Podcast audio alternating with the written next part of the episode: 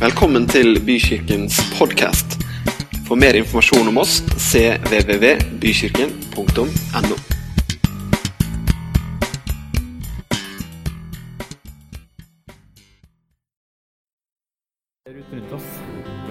Uansett hva slags dag vi har hatt, hva slags uke vi har hatt, hva slags liv vi syns vi har, så kan vi stole på deg. Og vi stole på at du er der trofast, som et fjell som aldri blir borte. Som en lykt som viser veien. Bare vi ser etter deg. Bare vi ser etter deg.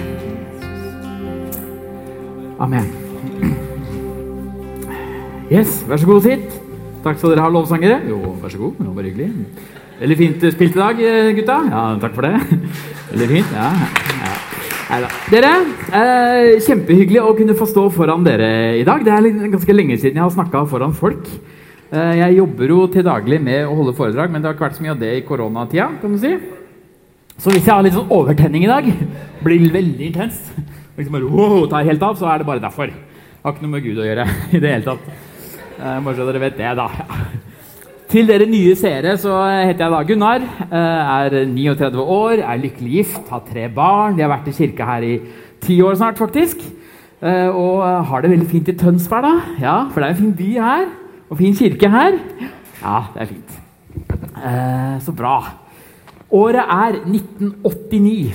Jeg er ni år gammel, og jeg går på innbygda barneskole i Trysil. Og jeg prater slik som dette, egentlig, når jeg er trysling. Og livet er egentlig ganske bra. Jeg har flotte foreldre, fin familie, har gode venner, fine hobbyer jeg holder på med. Det er bare ett problem. Jeg er så innmari forelska. Jeg er så innmari forelska i Lene. Lene Aas. Ja, jeg kan si det høyt nå. Hennes navn var Lene Aas. Beklager, Kristin, du var ikke forberedt på at jeg skulle snakke om Lene i dag. Lene hadde jeg vært forelska i over et år. Så etter en skoledag så plutselig så drar hun meg bak døra til inngangen til skolerommet, klasserommet. Og så putter hun et brev oppi Jeg har sånn der snekk, sånn du vet, sånn som man bare hadde på 80-tallet. Sånn oljesnekkerbukse sånn for å ikke bli veldig våt. Er flere enn oss i Trysil som gikk med det. Jeg har aldri sett det før og aldri siden. Jeg tror det var, det var laga av asbest og arsenikk. Så giftig var det. Det bare glinsa. Mamma måtte legge olje på det før vi dro på skolen. Det liksom skulle skikkelig glinse. Der putta hun det brevet. Oppi der. Og jeg eh, skal hjem. Jeg husker det var vinter, øh, for det var nok antagelig slaps også. Så jeg kommer meg fort hjem. Jeg er jo fryktelig spent på dette brevet. Jeg er så spent at jeg tisser litt på meg. Tenker, Hva kan dette brevet inneholde? Kom hjem, er heldigvis helt alene. da. Det var jeg veldig glad for at det ikke var ingen andre hjemme. Kommer inn, og så åpner jeg, finner jeg fram dette brevet. Så ser jeg på det, så jeg jeg har ikke lyst til å åpne ennå. Jeg må vente litt, så jeg gjemmer det. Jeg gjemmer det under sofaputa. Eh, der tenker jeg det er ingen som eh, kommer. Men så kommer jeg på at mamma er en notorisk støvsuge, støvsuger. Så jeg kan jo ikke ha det der, så jeg tar det fram igjen. Så lukter jeg litt på det. Så jeg tror det lukter litt parfyme. Og så er det Det er, det er tegna på hjerter på utsida. Konvolutten. Så jeg åpner konvolutten. Og så ser jeg brevet, så er det et kjærlighetsbrev. Gunnar har fått et kjærlighetsbrev fra Lene Aas. Oh. Hun hadde brukt sånn rosa markeringstusj du, sånn her, for å lage hjerter rundt. Og sånn, og så sto det 'I love you'. Og dette var altså i tredje klasse, og vi begynte ikke med engelsk før i fjerde klasse. på den tida, i Trysil. Så ikke bare var Lene nydelig, hun var også rasende smart. Ja, dette ville være et kupp, og jeg, jeg var helt ifra meg av glede og liksom visste ikke hvor jeg skulle gjøre av meg. Den natta sov jeg utrolig dårlig. Tenkte liksom, hvordan skal jeg gjøre dette? For jeg hadde jo ikke turt, Det var ikke noe SMS-muligheter på den tida, så jeg kunne liksom ikke svare på SMS. Jeg hadde ikke baller nok til å dra hjem til henne og si liksom ja, jeg vil være sammen med deg.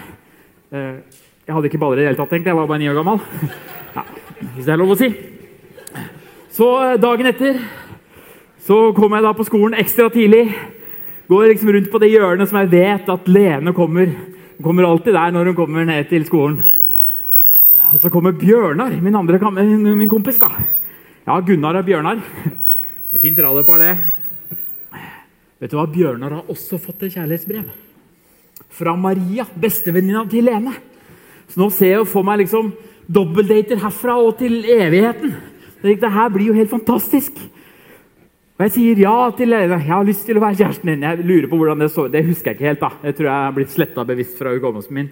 Det må ha vært noe av det kleineste jeg har gjort i mitt liv. Men jeg sier ja til Lene. Men vi har noen veldig fine tid, en veldig fin tid sammen. Åh. Og de friminuttene når vi har sånn ringleik Høres ut som vi er på Steinerskolen, men dette er Trysil på 90-tallet. Tidlig ja, slutten av 80-tallet. Da hadde vi ringleik i friminuttene.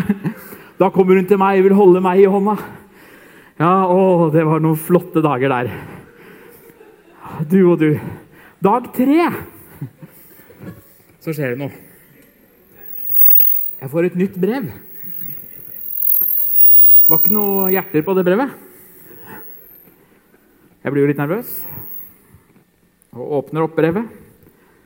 Der står det Maria og jeg vil bytte kjærester.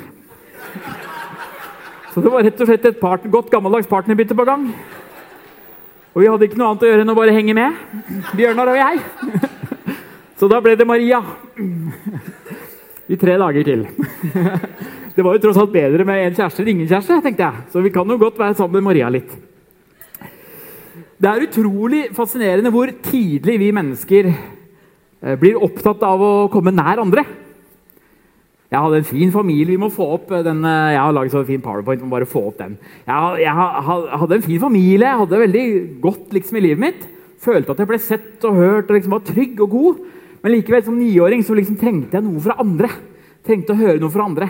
For sånn så familien min ut, egentlig, eller ser den ut nå. da. I, eh, så romantisk er det. Det er ikke min familie, da, men det kunne vært det. Hvis jeg hadde laget en sånn amerikansk stokkfotobilde på familie, så ville det sett sånn ut bakfra. i solnedgang i Thailand. Ja, jeg har, liksom, jeg har det veldig fint. Skal ikke klage på noen ting. Jeg har, liksom, ja, har virkelig vokst opp i trygge og gode rammer. Sier ikke det bare fordi mamma og pappa er her i dag. Men allikevel så oppstår det et behov hos oss mennesker til å bli likt og sett av andre. Vi har lyst til å komme nærmere andre. Vi har lyst til å gjøre oss litt sånn fortjent til oppmerksomhet. For den oppmerksomheten du får foreldrene dine, tross alt den får du uansett. Hvis ikke noe er alvorlig gærent i hjemmet ditt så får du oppmerksomheten fra foreldrene. Altså, du er jo kjempeflink til å tegne, selv om det ser ut som en kråketegning. det du driver med. Vi er jo litt sånn. Eh, så, så, så, det er på en måte, ja, det er litt sånn gitt at de liker oss. Vi har lyst til å bli likt av andre. Vi har lyst til å bli sett av andre. Og det, det behovet kommer overraskende tidlig da, for meg som en niåring.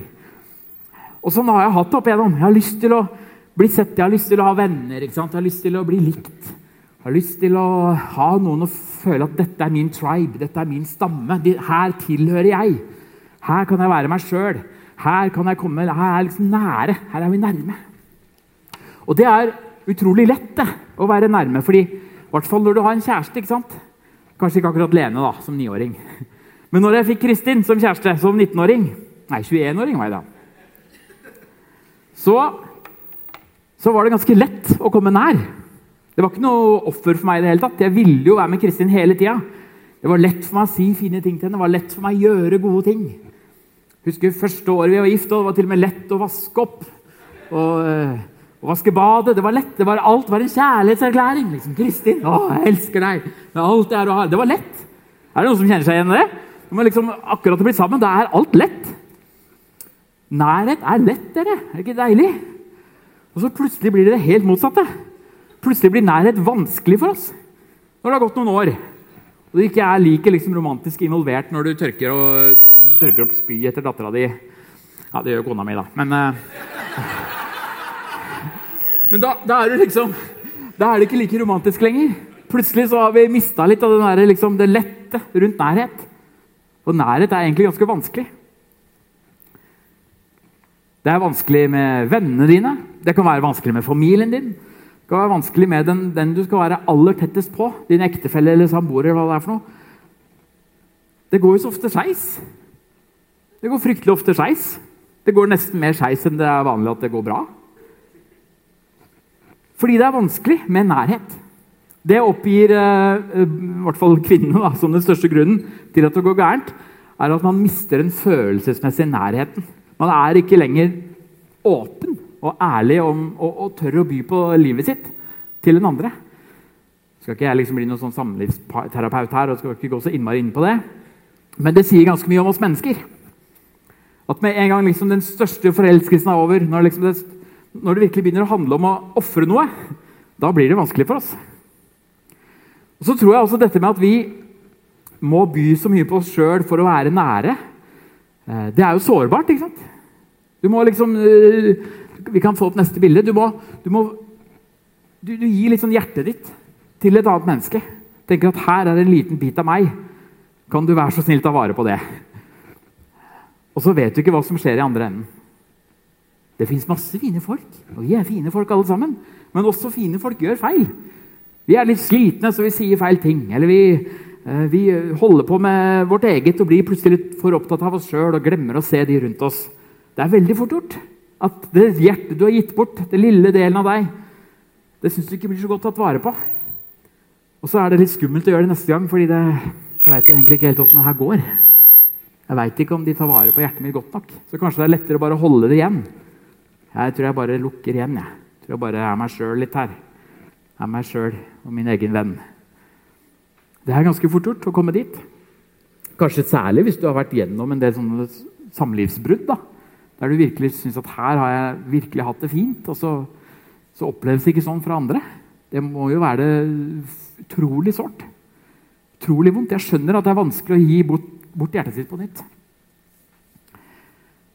Vi kan få opp eh, neste slide. Fordi det det handler om, da, det er at det å komme nærmere, som opprinnelig Nærhet er jo opprinnelig en følelse vi kjenner på. 'Å, nå er jeg nær deg. Så deilig.' Det er til syvende og sist ikke en følelse. Det er et valg man tar. Jeg velger å komme nærmere. Jeg velger å komme nærmere vennene mine, jeg velger å komme nærmere kona mi. Det er noen valg jeg må ta. Jeg velger å komme nærmere kollegaen min. Det er ikke en følelse om å kjenne at jeg har lyst på nærhet. Nei, Det er en valg vi må ta for å klare å leve nære liv. Ja. Og da kommer nærheten tilbake igjen.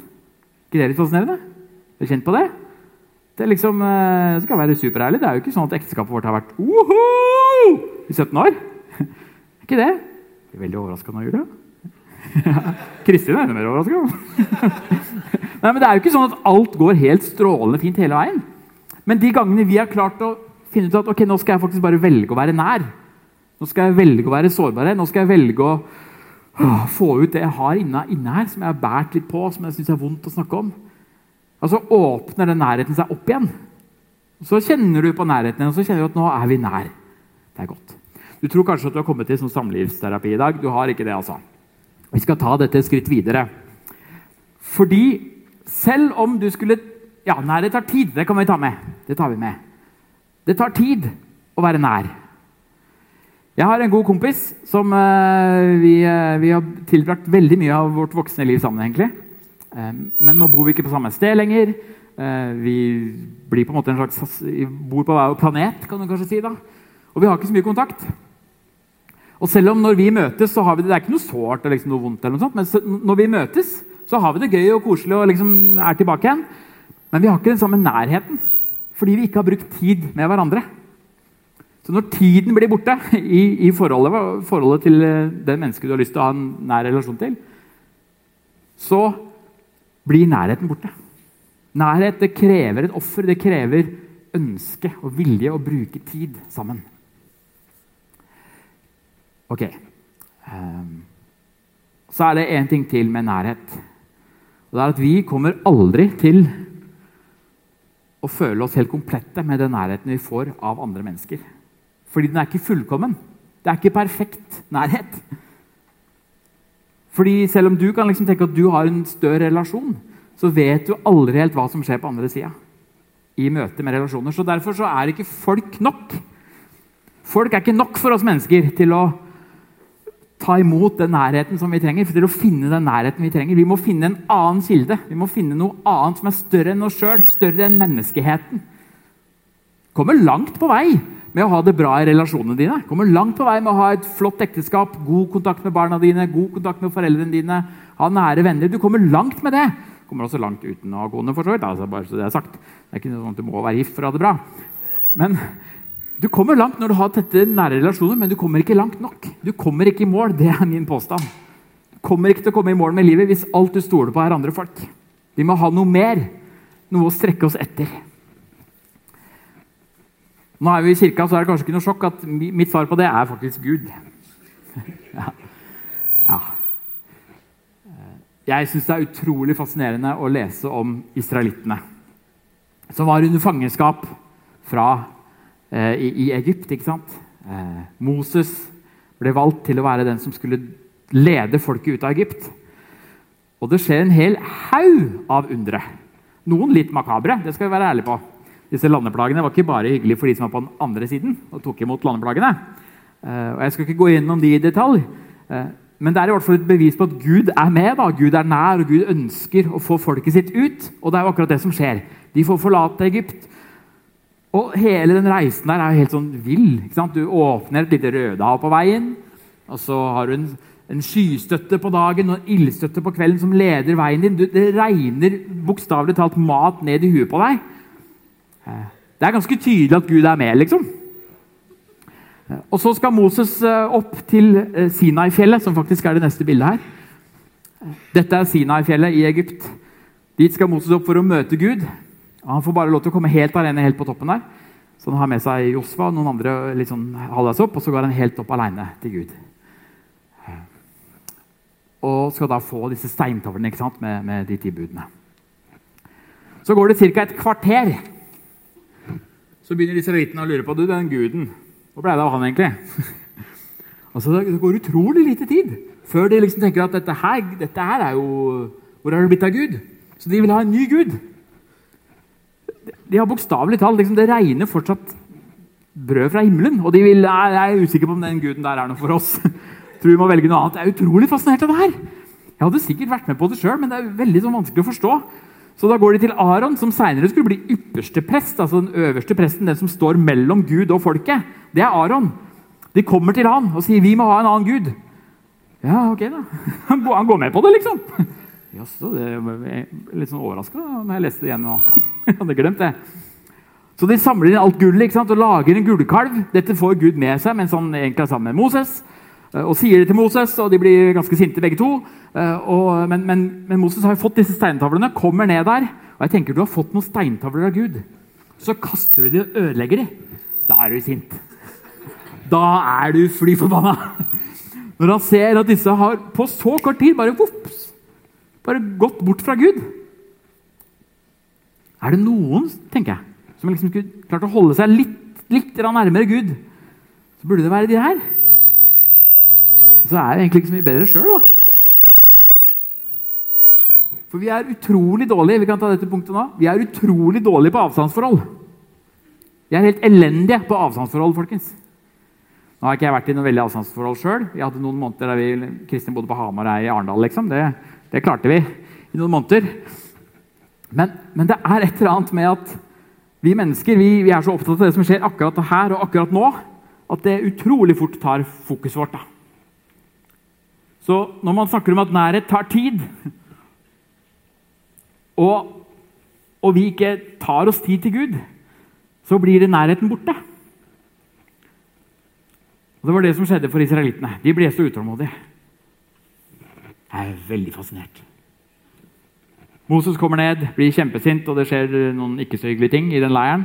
Og Så kommer Moses opp igjen til Sinai og får, uh, får disse tavlene innskrevet på nytt. Så kommer han ned, og så får han igjen formidla hva som skal til for at vi mennesker kan være nærme Gud. Det var på den tida ikke veldig vanlig at veldig mange hadde sånn nærhetsforhold til Gud. Faktisk så bruker man ikke det liksom gudsnærvær eh, som et begrep i det hele tatt i Gamle testamentet. Det nærmeste du kommer, er Guds ansikt.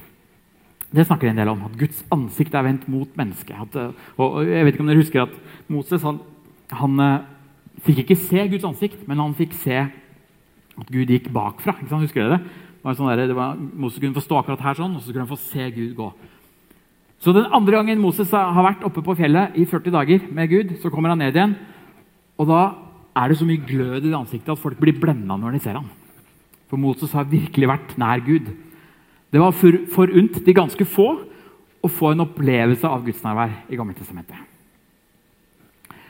Så har det heldigvis endra seg skikkelig for oss. For nå er det sånn at Gud er allstedsnærværende. Gud er her, betyr det egentlig. Og Samme hvor her er, så er Gud. Om du har en dårlig dag, om du er alene på fjellet, om du er her med oss i kirka i dag, om du er på jobb i morgen Gud er her. Og det syns jeg Daniel, eh, David sier så fint i salmene. Skal vi se på det. Det sier David. Herre, du kjenner meg ut og inn. Hvor jeg enn sitter eller står, så vet du det. Du vet hva jeg tenker på lang avstand. Mitt liv og måten jeg lever på, blir gransket av deg. Du kjenner mitt liv i detalj. Ikke ett ord kommer på min tunge uten at du fullt og helt vet hva jeg skal si. Hm. Du omgir meg både bakfra og forfra, og du har lagt din hånd på meg. Dette er for underfullt for meg å forstå. Det er for høyt til at jeg kan fatte det.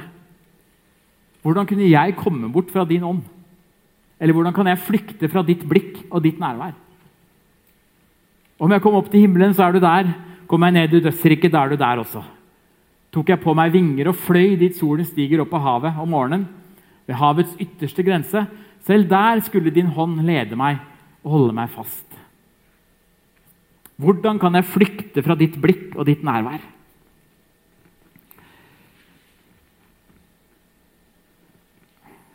Så prøver jeg likevel, da. Å flykte fra ham noen ganger. For når det går gærent i relasjonene våre, eller når det går gærent så har gjort et eller annet gærent, vi kjenner at det er feil, så gjør vi akkurat som guttungen min gjør når han har gjort noe feil som han kjenner er feil. Han syns det er så vanskelig å snakke om. Syns det er så vanskelig å komme til meg, og det blir jeg, så, det blir jeg lei meg for. da. Jeg føler at jeg liksom har gjort noe, at jeg kanskje er for streng. eller jeg vet ikke helt hva det er, Men han, han, vil liksom ikke komme til meg med en gang. Men det er jo egentlig ganske menneskelig. Vi holder på med det alle sammen. Vi vil ikke komme og si at nå har det gått skikkelig gærent her. Vi gleder oss aldri til den samtalen. Så det er også utrolig menneskelig. Vi prøver å flykte fra nærværet. Jeg har i hvert fall kjent på det sjøl. Hvis jeg syns ting har gått gærent og jeg har gjort, gjort, et eller annet feil, så er det ikke alltid det er Gud jeg går til først. Det er ikke alltid det er kirka vi går til først. Jeg husker jeg hadde en kamerat som ble skilt på 90-tallet. Og, og det, det, var ikke lett å bli skilt på 90-tallet i kristen sammenheng. Så det siste stedet han ville gå til, det var jo kirka. Det var menigheten. Der følte han seg ikke hjemme i det hele tatt følte han seg fordømt. Han ville ikke dit. Så jeg lurer på om vi av og til Jeg tror ikke det er så ille lenger nå, da. Det er lov å si. Men, men jeg lurer på om vi av og til liksom forveksler Guds kjærlighet med vår kjærlighet. Fordi Gud er jo ikke sånn. Og du er heller ikke sånn. Når, en, når guttungen din kommer og har gjort noe gærent, så er ikke jeg så veldig lei meg for det han har gjort, men jeg er så lei meg for at han ikke har sagt det til meg. Kunne ikke bare sagt det til meg? Det er ikke noe farlig. Dette fikser vi. Er det ikke mye bedre å dele det? Nei, vi skal liksom holde det for oss sjøl. Da forsvinner nærheten. Så om du kjenner på at du har noe i livet ditt som liksom ikke helt ah, har på plass, så må du huske på den beste historien som finnes synes jeg, i Bibelen. Den bortkomne sønnen. Som eh, vi kjenner så godt. Historien som så nært forteller hva Guds hjerte er laga av. Av bare nåde tilgivelse. Du kan gjøre hva som helst. Du får alt av meg, sier Gud. Du får hele livet ditt av meg. Du kan gjøre hva du vil med det. Og om du skulle rote bort alt sammen, så kan du likevel komme tilbake til meg. En kollega jeg jobba med, hun vokste opp i eh, en kirke i en helt annen by enn her. Og hun følte at hun var tett på Gud. Følte at hun opplevde kjærligheten hans og tilhørte han. Og så I voksen alder så gjorde hun noen valg som hun syntes var så feil. Fant en mann som var gift fra før, og så innleda de et forhold. og så, så På et julebord så gråter hun rett foran, foran meg og sier at jeg kan ikke tilbake til Gud. Gud kommer aldri til å ta imot meg når jeg vet at jeg har gjort en så stor feil. Jeg tror hun blander Gud med mennesker. For den nærheten som vi bare kan få av Gud, den finner vi ikke hos oss. Vi kan også tilgi. Vi kan også si det går fint. Men det er bare Gud som virkelig kan, kan nå inn til hjertet og si vet du hva, det her går fint. Og vi trenger å vise den samme nærheten. Vi trenger å ha det samme hjertet som Gud banker for oss hver eneste dag. Det må vi ha. Derfor så må vi Kan vi få opp den, siste, nest siste sliden? Eller det var kanskje bibelvers, det. Vi kan gå enda en tilbake igjen. Derfor så må vi liksom sortere litt hva det vil si å være nær. Prøve å være liksom praktisk. Hva betyr det for oss å være nær i dag i 2020? Jo, det betyr at vi må ta et valg. Vi kan ikke vente på at det skal komme en følelse. Verken i ekteskapet vårt eller sammen med andre mennesker som ikke har en tro. Vi kan ikke stole på at det bare er folk som holder. Folk er ikke nok. Vi må ha en Gud vi kan komme til å være nær. Vi må sørge for at vi bruker tid med Gud for at vi skal få den nærheten og den tryggheten. Og det er det innmari lurt å gjøre når vi har det bra. Fordi de gangene livet plutselig krasjer, og du så vil ha nærhet, så tror jeg du kan oppleve et ganske stort vakuum hvis du ikke har det fra før. For da har du ikke liksom bygd opp en sånn resilience. som Det heter. Det er samme med ekteskapet. Det. det er veldig sammenlignbart. Hvis ikke du har det bra når ting er greit, så blir det skikkelig vanskelig de gangene et eller annet ryker. Og så er vi innmari dårlige på avstandsforhold. Ikke sett Gud der borte. Gud ønsker at vi skal følge ham. Jesus sier at vi skal følge meg. Det er et løfte fra Jesus at han går først. Vi skal følge ham. Vi skal ikke stå stille. Vi skal flytte oss. Vi skal bevege oss. Det er bevegelse i troa vår. Nærhet i stua liksom, der det er helt trygt og stille og fint. Ja, det er bra, det. Men nærhet er enda bedre når vi går. Når vi går videre, når vi flytter på oss. Gud er her. Det er bare et faktum. Uavhengig av følelsene dine, uavhengig av hvor du er, så er Gud her. Kan låtsangerne få komme opp? Og så har jeg bedt de om, jeg har bedt om et sånn bestillingsverk i dag. Jeg. I 1840 så skrev Jeg må bare sjekke hva hun het, for det husker jeg ikke. det. Sarah Adams skriver en salme som heter 'Nærmere deg, min Gud'. Eh, og det, vet du hva, Nå gjør jeg litt kleint for dere, for jeg må faktisk ta med et, jeg har glemt, glemt en del av prekena. Men jeg kan godt bare stå her. Var det fint for dere? Ja, ja. Eh, jeg glemte en liten, liten bit der. Det er lov. Ja. Sarah Adams skriver en salme i 1840 som tar for seg Jakob. Eh, helt tilbake til liksom, tidens begynnelse. Eh, vi kan få opp de bibelversene. For Jakob han, eh, han har fått velsignelsen. Han har egentlig stjålet velsignelsen av broren sin. Isak skulle velsigne den eldste sønnen Esau, og så lurer Jakob til seg den. Og så rømmer han fra broren sin, for broren er jo eitrende forbanna. For velsignelse, det vil vi ha. Og på flukt så legger Jakob seg ned og er nok ganske redd og nervøs der han ligger alene i ørkenen.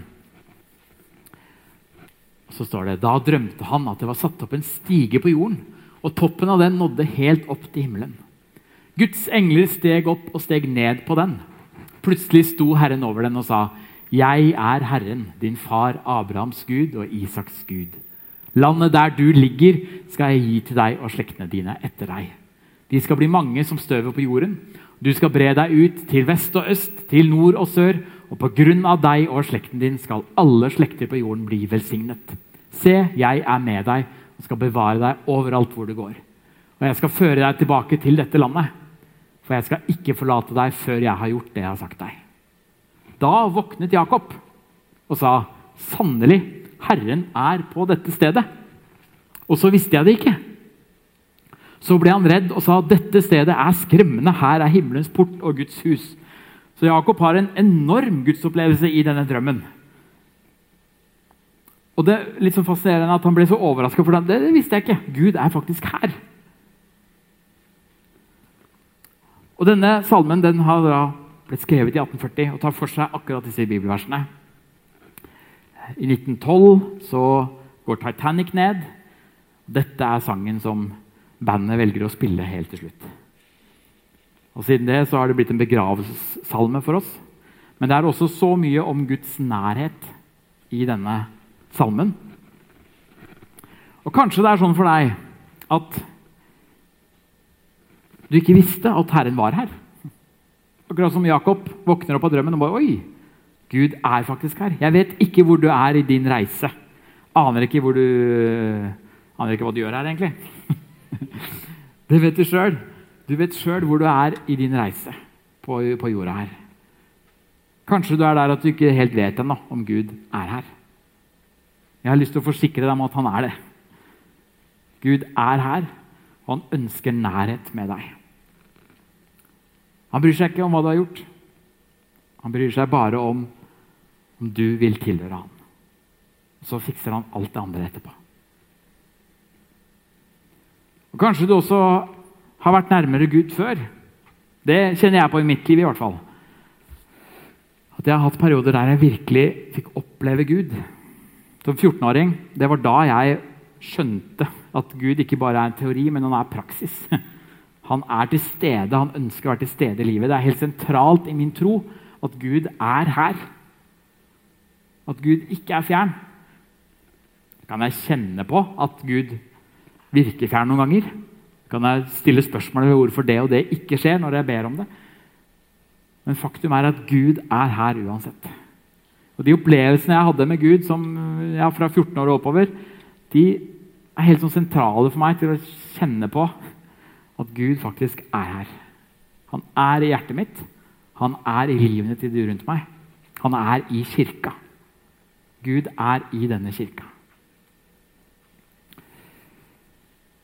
Så nå har jeg lyst til at vi skal bare rett og slett høre på nærmere deg, min Gud. Og Så kan du selv tenke på hvor nærme du er, og om du har lyst til å komme nærmere. For det er også en fin ting. da. Det går alltid an å komme nærmere. Det er ikke sånn at ja, nå er vi nær nok med kona di. Det er ikke sånn med Gud heller at ja, nå er jeg nær nok. Nå holder det. Hvis du skal ha et aktivt gudsliv, så må du hele tiden søke Gud for å komme nærmere. Takk, Jesus, for at du er nærme. Takk for at du er her nå. Og vi har lyst til å komme med våre liv med ydmykhet og en sånn sårbarhet. Så kommer vi til deg. Hjelp oss, Gud, å leve åpne liv med deg for andre folk rundt oss. Sånn at de får se eh, og kjenne på den nærheten vi faktisk har til deg, og den nærheten vi oppriktig ønsker med andre. Jeg ber Gud om at eh, dette skal bli en sånn stund der vi kan sette ned en stein, sånn som Jakob. Vi setter ned en stein som viser at her er du, her møter vi deg. Vi ønsker å være nær deg, Gud, sånn at vi har noe å gi til andre. Amen.